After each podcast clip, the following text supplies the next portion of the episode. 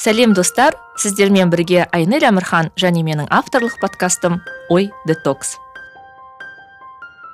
Ой детокс ақпарат ағынында адасып кетпей ой сана тазалығын сақтауға көмектесетін подкаст. Бұл ой детокстың бесінші эпизоды және бұл эпизодта мен подкастинг саласындағы менің құрбыларым әріптестерім белла талшын және бақытгүлмен соңғы уақытта біздің қоғамда орын алған бізді мазалаған нәрселер туралы сөз қозғайтын боламыз. Естеріңізде болса осыдан тура сегіз ай бұрын осы құрамда ә, кездесіп 2020 жылдың инсайттары туралы өз ойларымызбен бөліскен болатынбыз. Біраз уақыт өтіп әрқайсымыздың өмірімізде түрлі өзгерістер орын алды. Бірақ ә, жалпы әлемде елдегі жағдай өзгере қойған жоқ. Біз әлі сол пандемия кезеңінде өмір сүріп жатырмыз. Осы ретте қыздар мен өздеріңнен қоғамда соңғы уақытта жиі айтылатын менталдық денсаулық депрессия эмоционалды күйу және кибербуллинг жайлы сөйлескім келіп отыр. Қазір мысалы біз вакцинация деп жатамыз ғой. Егер қоғамның қанша бір алпыс пайызы вакцина салдырса онда бізде иммунитет қалыптасады дейміз. Сол сияқты егер біздің қоғамның алпыс пайызы ә, эмоционалдық тұрғыда ә, толыққанды болса өз ресурстарын дұрыстап ә, жаратса келісетін жерде келісіп келіспейтін жерде жоқ келіспеймін деп айта алатын болса бізде де бір қоғамдық иммунитет қалыптасатын сияқты да. Ал қазірге менің қарап отқаным жаңағы фейсбукты оқу арқылы енді ол бүкіл қазақстан демей ақ қояйын бірақ енді қандай да бір статистика жасауға мүмкіндік беретін көрсеткіш қой. Біз бақытсыз қоғам сияқтымыз біз ауру қоғам сияқтымыз біз дарақы қоғам сияқтымыз. Әшейін көрсету үшін бәрін жасайтын. Бір шынайылық шын жанашырлық жетіспейтін деймін. Мен сондай қорытындыға келдім. Адам күйзеліске неге түседі? Өйткені бізде қоғамда идеал образды таңып тастағанда егер сен жұмыс істесең ол жұмысты сен жақсы көруің керек. Егер сенің жарың болса балаларың болса сен оларды 24 сағат тек қана бір жақ барлық жақсысын қабылдап шексіз бақытқа кенелуің керек деген сияқты да. Егер сен адам болсаң сен ибалы тәрбиелі өте әдемі өте бақытты таңғы асың кешкі асың барлығы инстаграмдағыдай бір керемет ә, болу керек деген сияқты бір образды таңып тастаған. Сосын адамдар көреді да күйзеліске көбірек түсетін сияқты басқа адамдарды өзінің өмірі мүлдем ондай емес. Мен мынандай нәрсе ой келді маған. Адам ешкімге керек емес дегендей. Өйткені неге ондай ойға келдім десем мысалы қазір көп адамдар ауырып жатыр ғой. А, алдында ауырып үйде жалғыз қалып дәрігердің көмегін алмаған да адамдар болды. Өздері қалай білді әртүрлі кеңестермен өзін өзі емдеп жатқан. Сондықтан егер шын мәнінде қазақстан деңгейінде деп ойлаймын ә, адамдар мемлекетке де жұмыс орнына да ешкімге де былай қараса керек емес. Сенен проблема туындамаса сен айғай шу шығармасаң тыныш сен тимесең мен тиме бадырақ көздеп тыныш отырсаң сенен проблема болмау керек. Басқа адамдар жаңа жұмыс беретін орган болсын білмеймін ғой. Сондай әсерлерді бір сезіп жүрген сияқтымын де сондықтан кейде адамдар жалғыз адам өзін өзі ғана проблемасынан шығару керек. Адам өзін өзін ғана емдеу керек сияқты бір нәрселер қалыптасқан сияқты деп ойлаймын. Мен енді осы концепцияны негізі бұрыннан бері қолданамын өзімнен өзгеге. Керек емессің деген. Егер қандай да проблема болса да біреу мені құтқарады деп күтіп отырудың қажеті жоқ деп ойлаймын да. Сен өзіңді өзің құтқара білуге ресурсың болу керек. Сен өзіңді толыққанды барлық ресурсыңды қоғамда болып жатқан мәселелерді шешуге жібермеуің керек деген ұстанымдамын. Бұл енді эгоизм да емес. Кейбір айтады ғой ол эгоизм сен қоғамның бір бөлшегі болғаннан кейін оның өзгеруіне атсалысуың керек деп жатады. Бірақ меніңше бұл жерде сен өз әліңді білуің керек та. Бір кейбір адамдар бар ғой шынында да қажет болатын. Бір кез келген коллектив та болады ғой. Бір адам ол жоқ болып қалса орны үңірейіп қалады бірақ жаңа айнель айтқандай мысалы сен ол просто адамдарға жағымды көріну үшін сен ұнау үшін барын саласың ал саған ешкім қайтармайды. И ол міндетті да емес ешкім қайтаруға. Сондықтан әліңді біл тыраштанбай ақ қой. Егер сенің ондай ішкі бір болмаса күшің потенциалың тырыспай ақ қой ешкімге бір деме жасауға. Қорқынышты иә. бірақ жасаған кезде бір бас, бір басқа бір сезім сияқты ешқашан сол басқалар осылай маған жасар рахмет айтар деген емес. Керісінше бір өзің соны жасау арқылы рахат табудан лә, содан рахат тауып ләззат алу керек сияқтысың иә.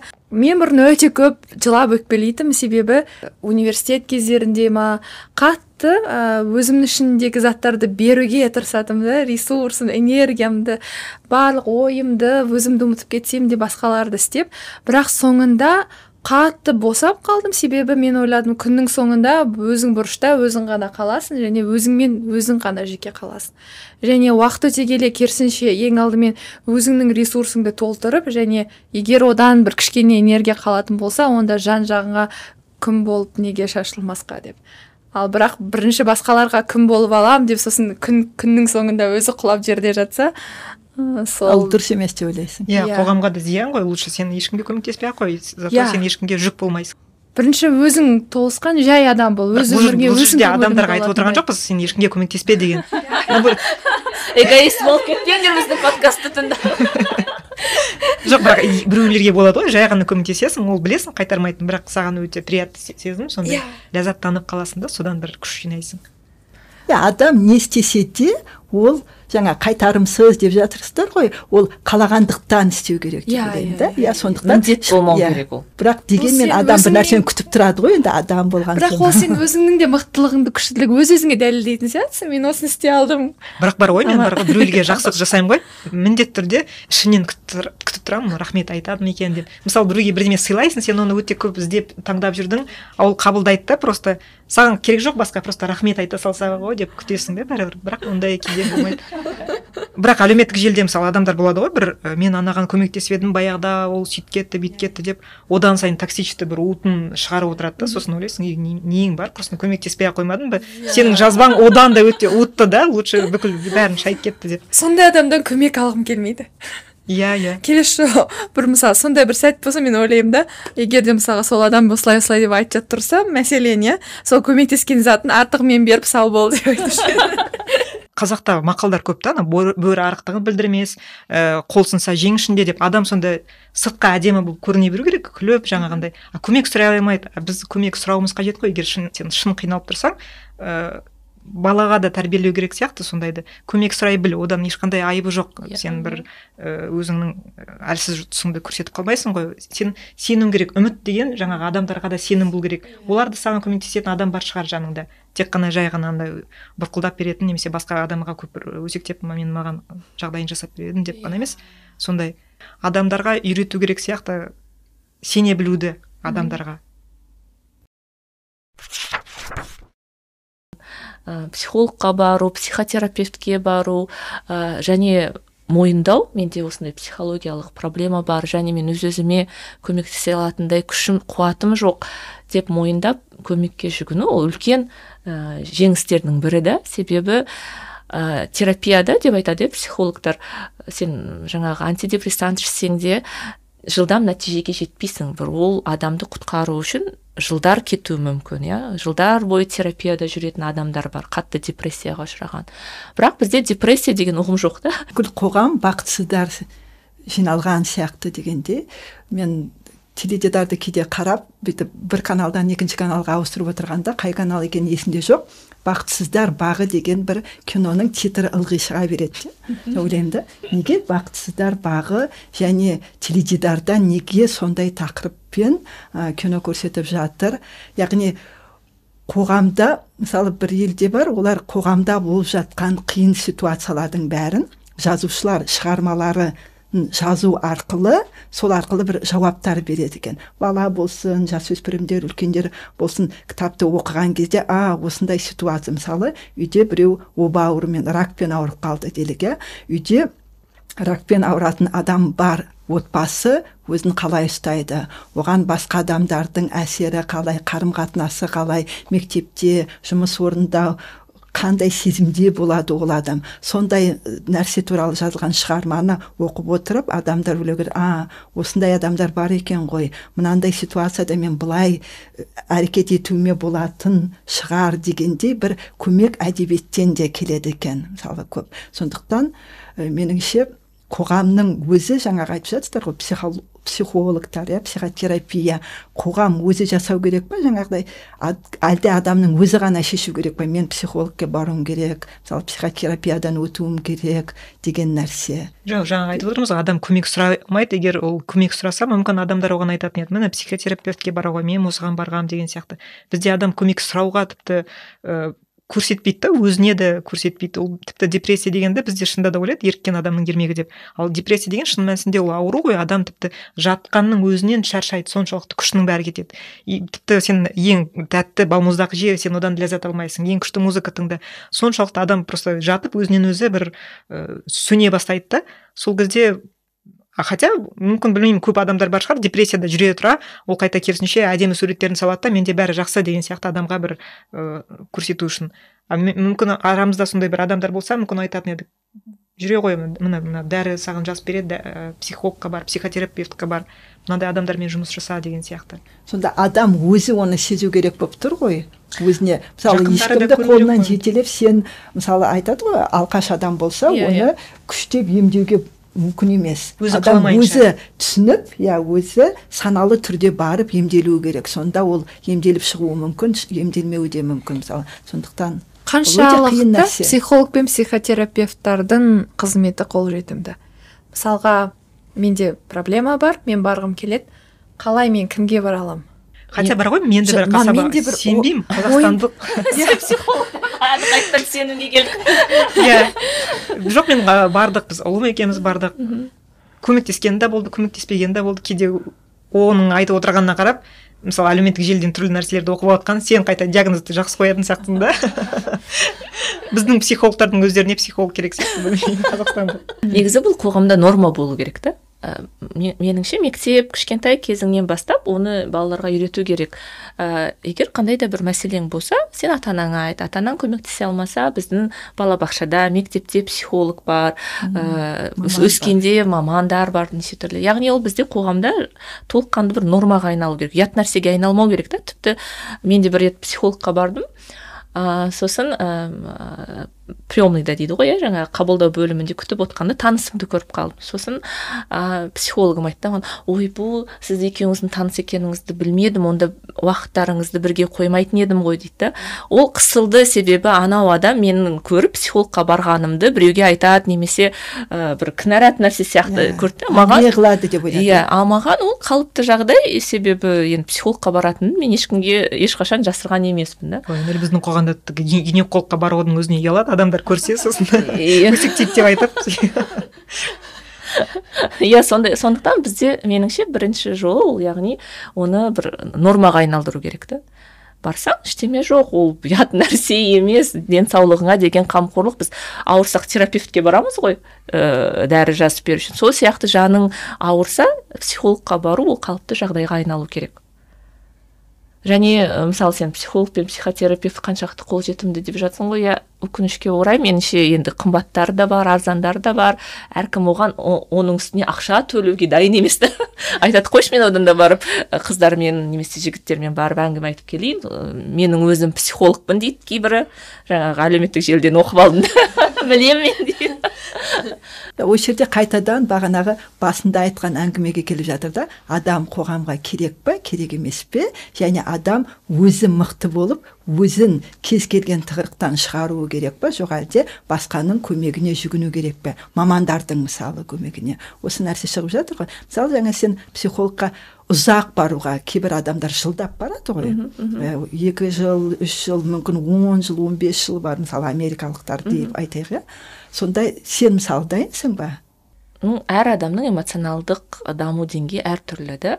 Ә, бізде мен бір рет оқығам эмоционально ә, устойчивый адам керек дейді ғой. Стресстерге тұрақты адамдар керек дейді жұмысқа тұратын болсаң.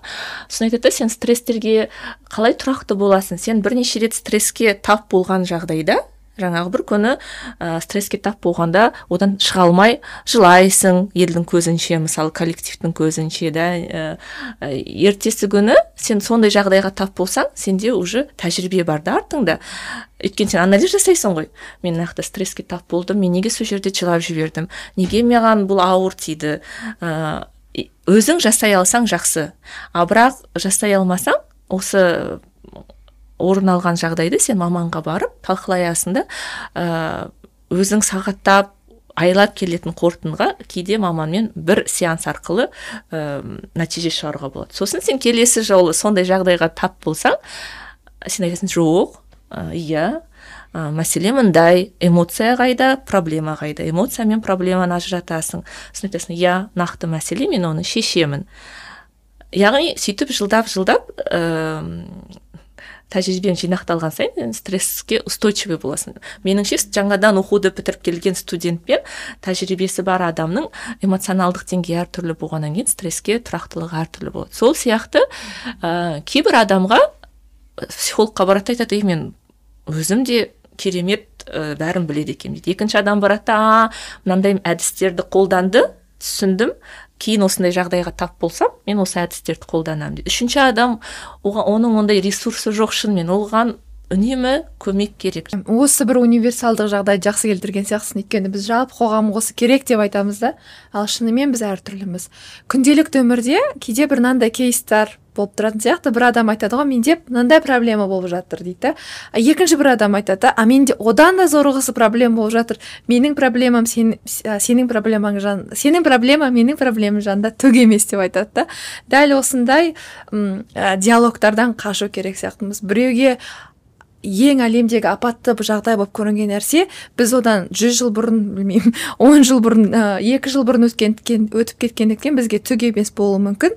Бірақ ол адам сол сәтті енді өмір сүріп жатқандықтан ол үшін бәлкім ауадай қажет нәрсе болуы мүмкін. Және біз сол адамның проблемасын ұсақтай бір ұсақ шыбын көрмей тұруымыз керісінше сол адамның одан әрі осы өмірін сүруін қиындататын сияқты. Сондықтан біреу солай бір мәселесін айтып жатқанда әрқашан бір толерантты болып шыдамды болып сол кейста ары қарай қалай көмектесе аламын деген сұраққа бірге жауап беруге тырыссақ күшті болады диалогтар болады ғой жаңағыдай мысалы менің ыыы қолымды ара шағып алды деп айтса біреу ой ол ерунда ғой ештеме емес менің қолымды жылан шағып алды деген сияқты.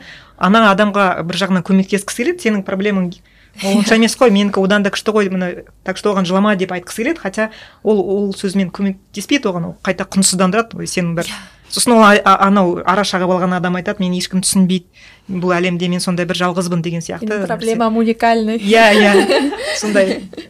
Просто біз бір бірімізге көмектесуді де білмейміз жолын мүмкін.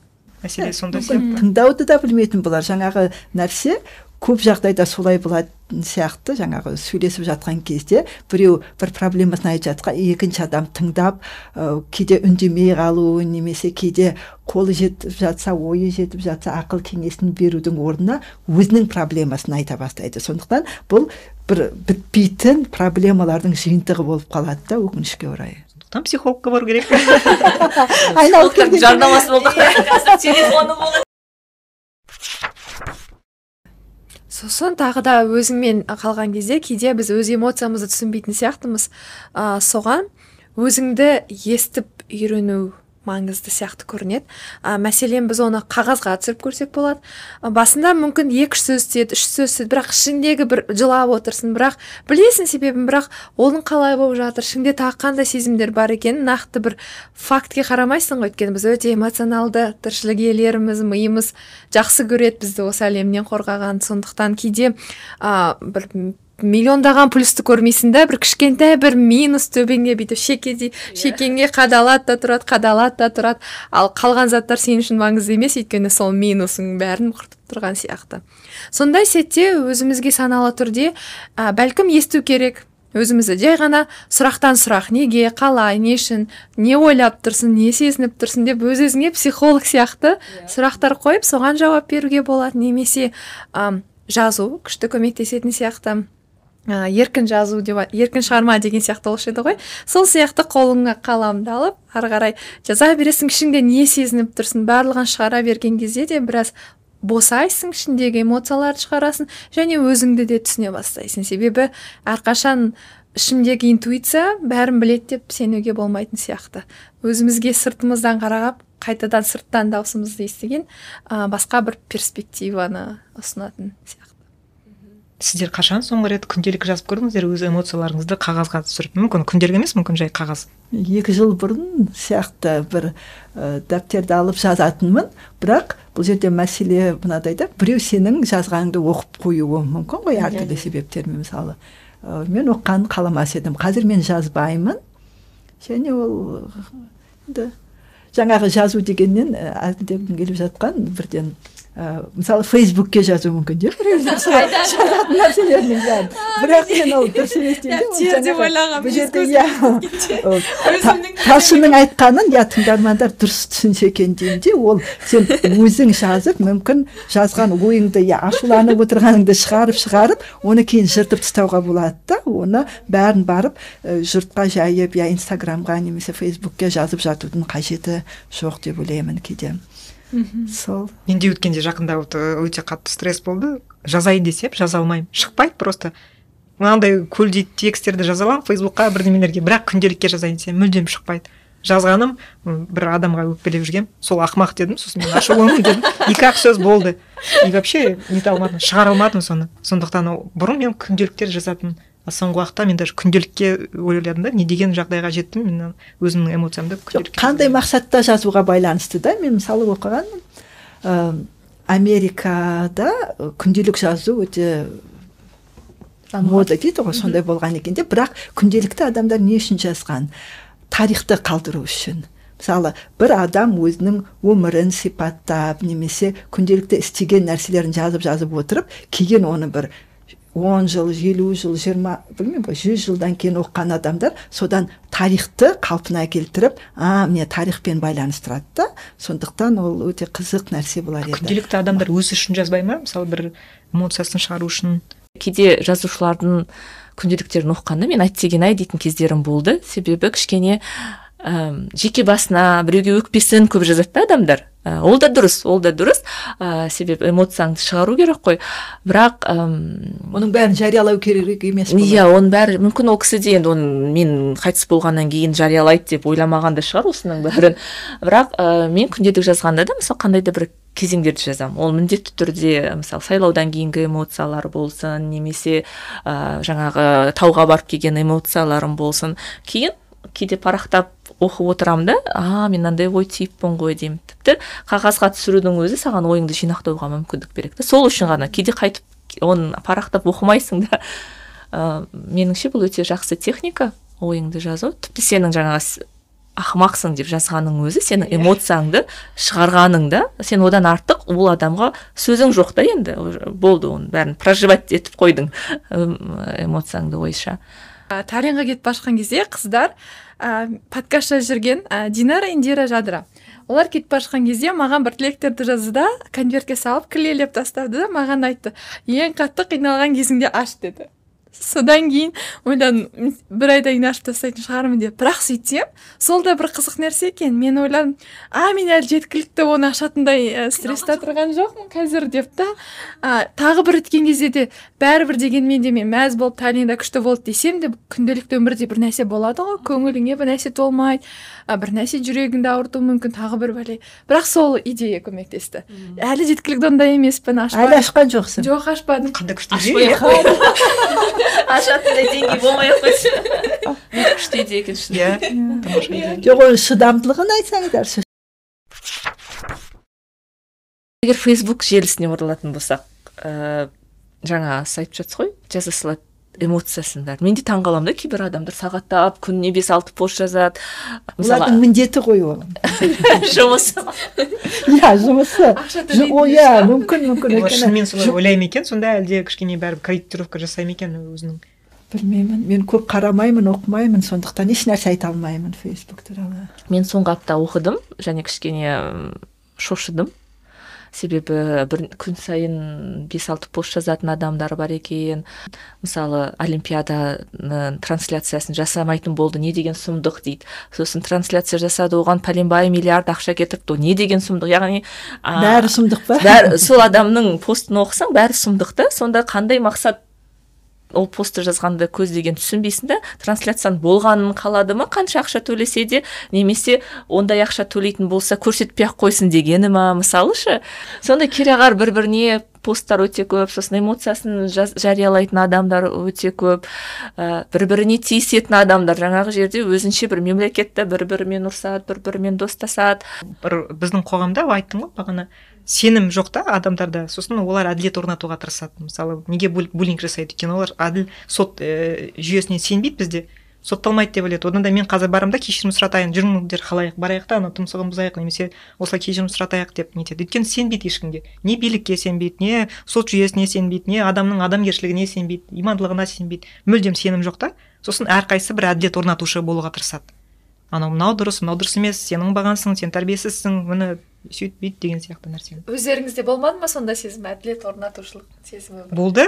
Қазір әділет орнатуға тырысамын. Сосын прям шағым жіберемін үнемі. Ұнамай қалса міндетті түрде сондай бір. А фейсбуктың өзінде шағым кім жазғанына байланысты ма? Қандай мақсат? Маңызды емес. Кейде бір көресің онымен күресу мүмкін емес деп ойлайсың. Өйткені адамдар қаншама жүздеген мыңдаған бір лайк бірдеме басып жатады а ол несі идеясы оның дұрыс емес. Аласың да тыныш қана шағым жасап жібересің. Мынау пост. Жаңа сіз айтып жатсыздар ғой жаңағы сұмдық сұмдық деп жазып жатыр деп. Мысалы биліктің қырық сегіз заңы деген кітап бар. Сол кітапты оқып отырсаңыз әртүрлі билікте қолданылатын жазылмаған заңдар туралы айтылады да. Соның бірі мысалы адам ылғи жұрттың көз алдында жүру керек. Және ад- жұрттың көз алдында жүру үшін ол барлығын жасайды. Ол сұмдық нәрсені де жасауы мүмкін жақсы нәрсені де жасауы мүмкін. Ылғи оның аты аталып жүру керек суреті жарияланып тұру керек. Пиар ғой енді иә иә иә пиардың бір модельдері ғой. Мен ойлаймын да кибербуллинг ол өзі фейсбукта өмір сүріп жатқан жоқ ол. Қоғамда да бар бірақ қоғамда тікелей айта алмайсың себебі сені полиция ұстауға кетеді бірақ пассивно агрессивный адамдарымыз көп сияқты. Иә мен де соны айтпағым да сен же- өмірде ол кісі сондай жағдайға тап болса саған бетіңе ондай ауыр сөздер айтпауы мүмкін қасыңнан күліп өте мүмкін да бірақ фейсбукта болғаннан кейін немесе басқа әлеуметтік желіде болған ол жеңілдірек та оған анайы сөз жазуда ауыр сөз жазуда намысыңа тиюде жеке басқа өтуде жеңілдірек сияқты. Блоктап тастаса тіпті өмірде жоқ сияқты болып қаласың. сол бірақ адамдардың осы жерде мен ойлаймын да ә, кибербуллинг жайлы айтатын болсақ буллинг жайлы айтатын болсақ ә, бүкіл оқулықтарды алып қарайтын болсақ ол жерде жасөспірімдер контекстінде қарастырады да.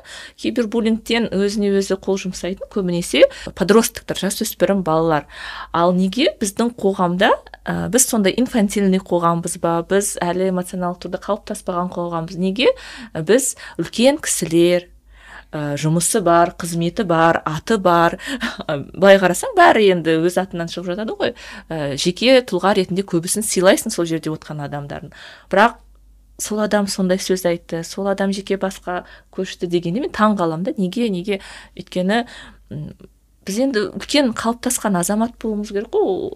Ондай нәрсеге тап болмауымыз керек. Ә, тіпті мен кеше қарап жатсам ұят емес kz сайтында жасөспірімдерге егер сен кибербуллингке тап болсаң қандай әрекеттер жасау керек? Кеңес берілген да сосын айтады. Сен ол адаммен ә, пікір таластырма. Бірден бұғатта. Ә, ата анаңа айт ә, мектепте болса мұғаліміңе айт ә, скриндеп ал. Егер саған ол жаман сөз жазса міндетті түрде сенде ә, куә болу керек. Деген сияқты бір талай ә, нәрселер айтылған да. Бірақ ол жасөспірімдерге бағытталып айтылған да. Осындай тақырыптарды көп сөйлесіп айту керек болар талқылау керек болар. Барлық адам басынан өткізуге міндетті емес деп ойлаймын.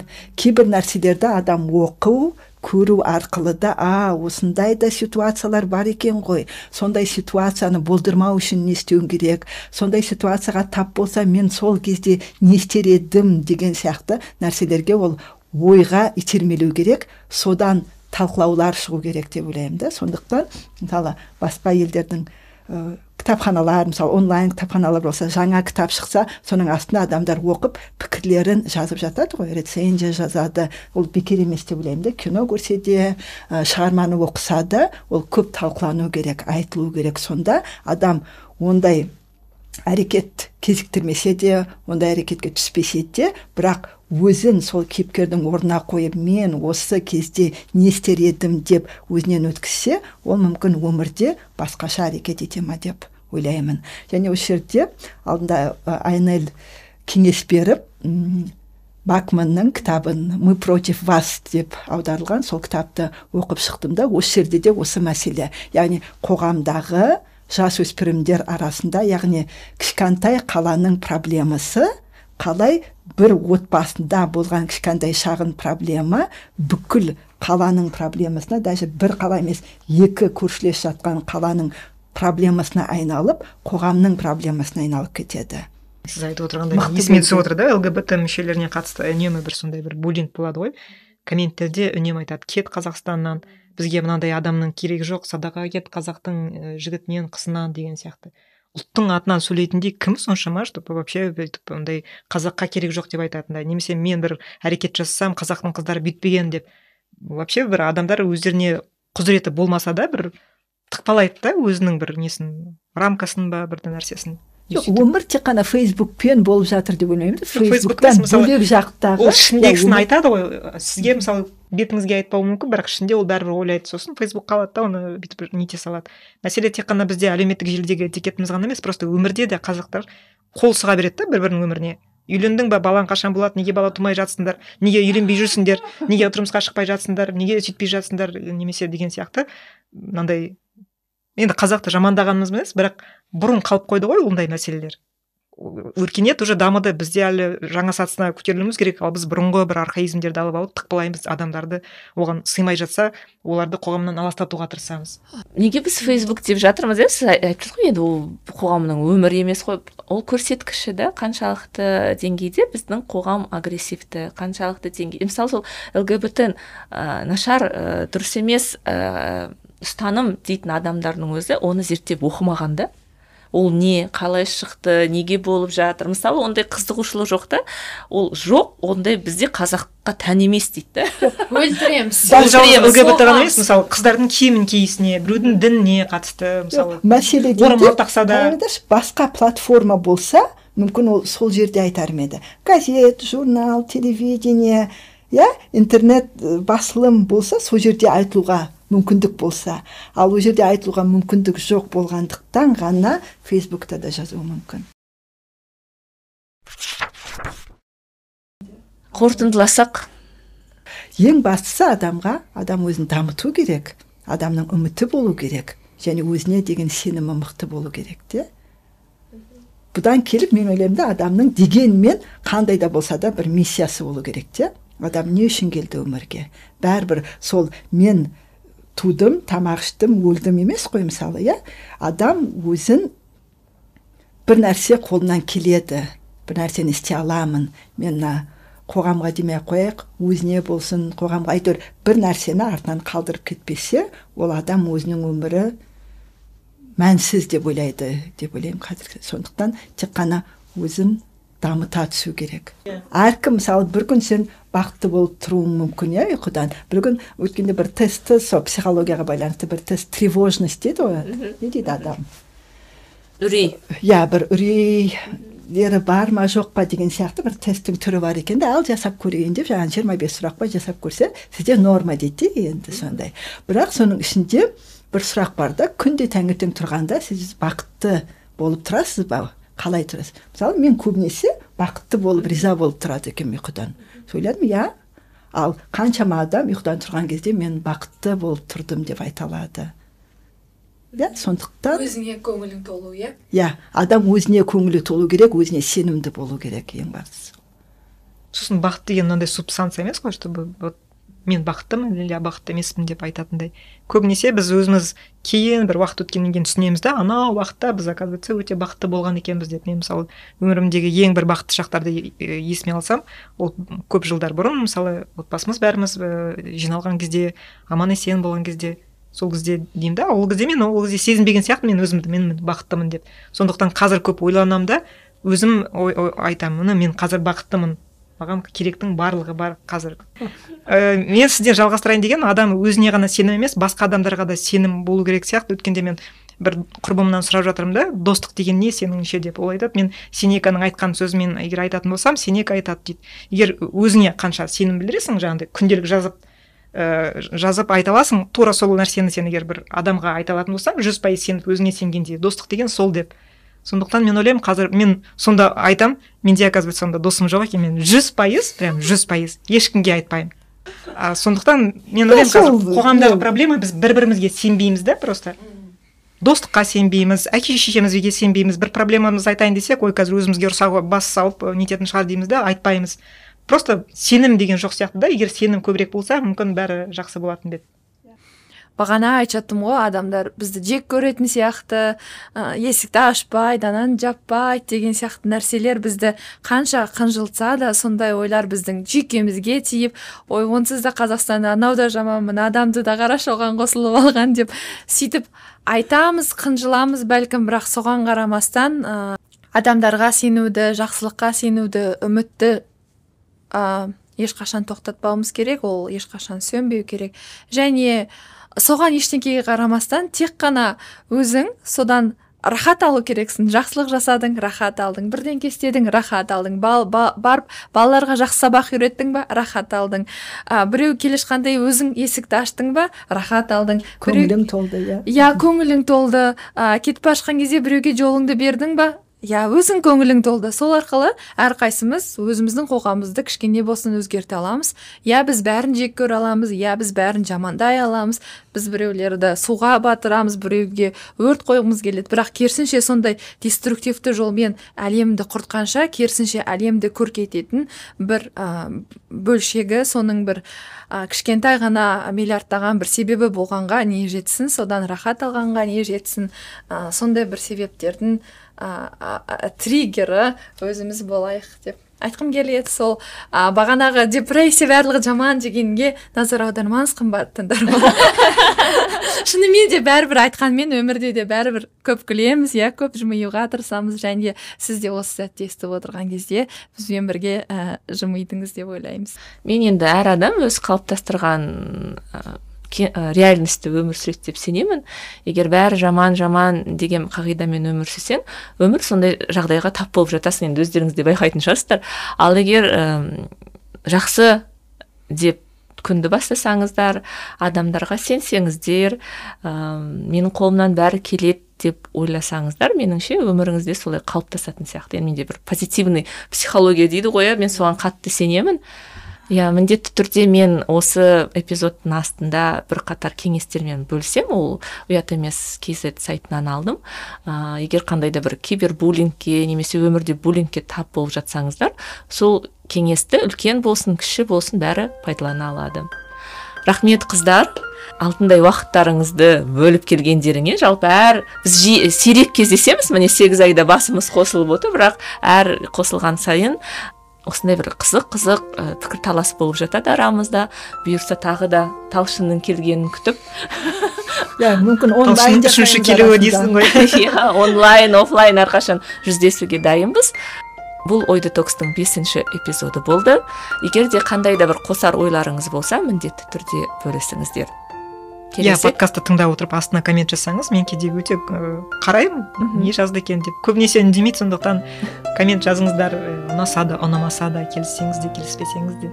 Иә? Иә біз конструктивті пікір таласқа дайынбыз.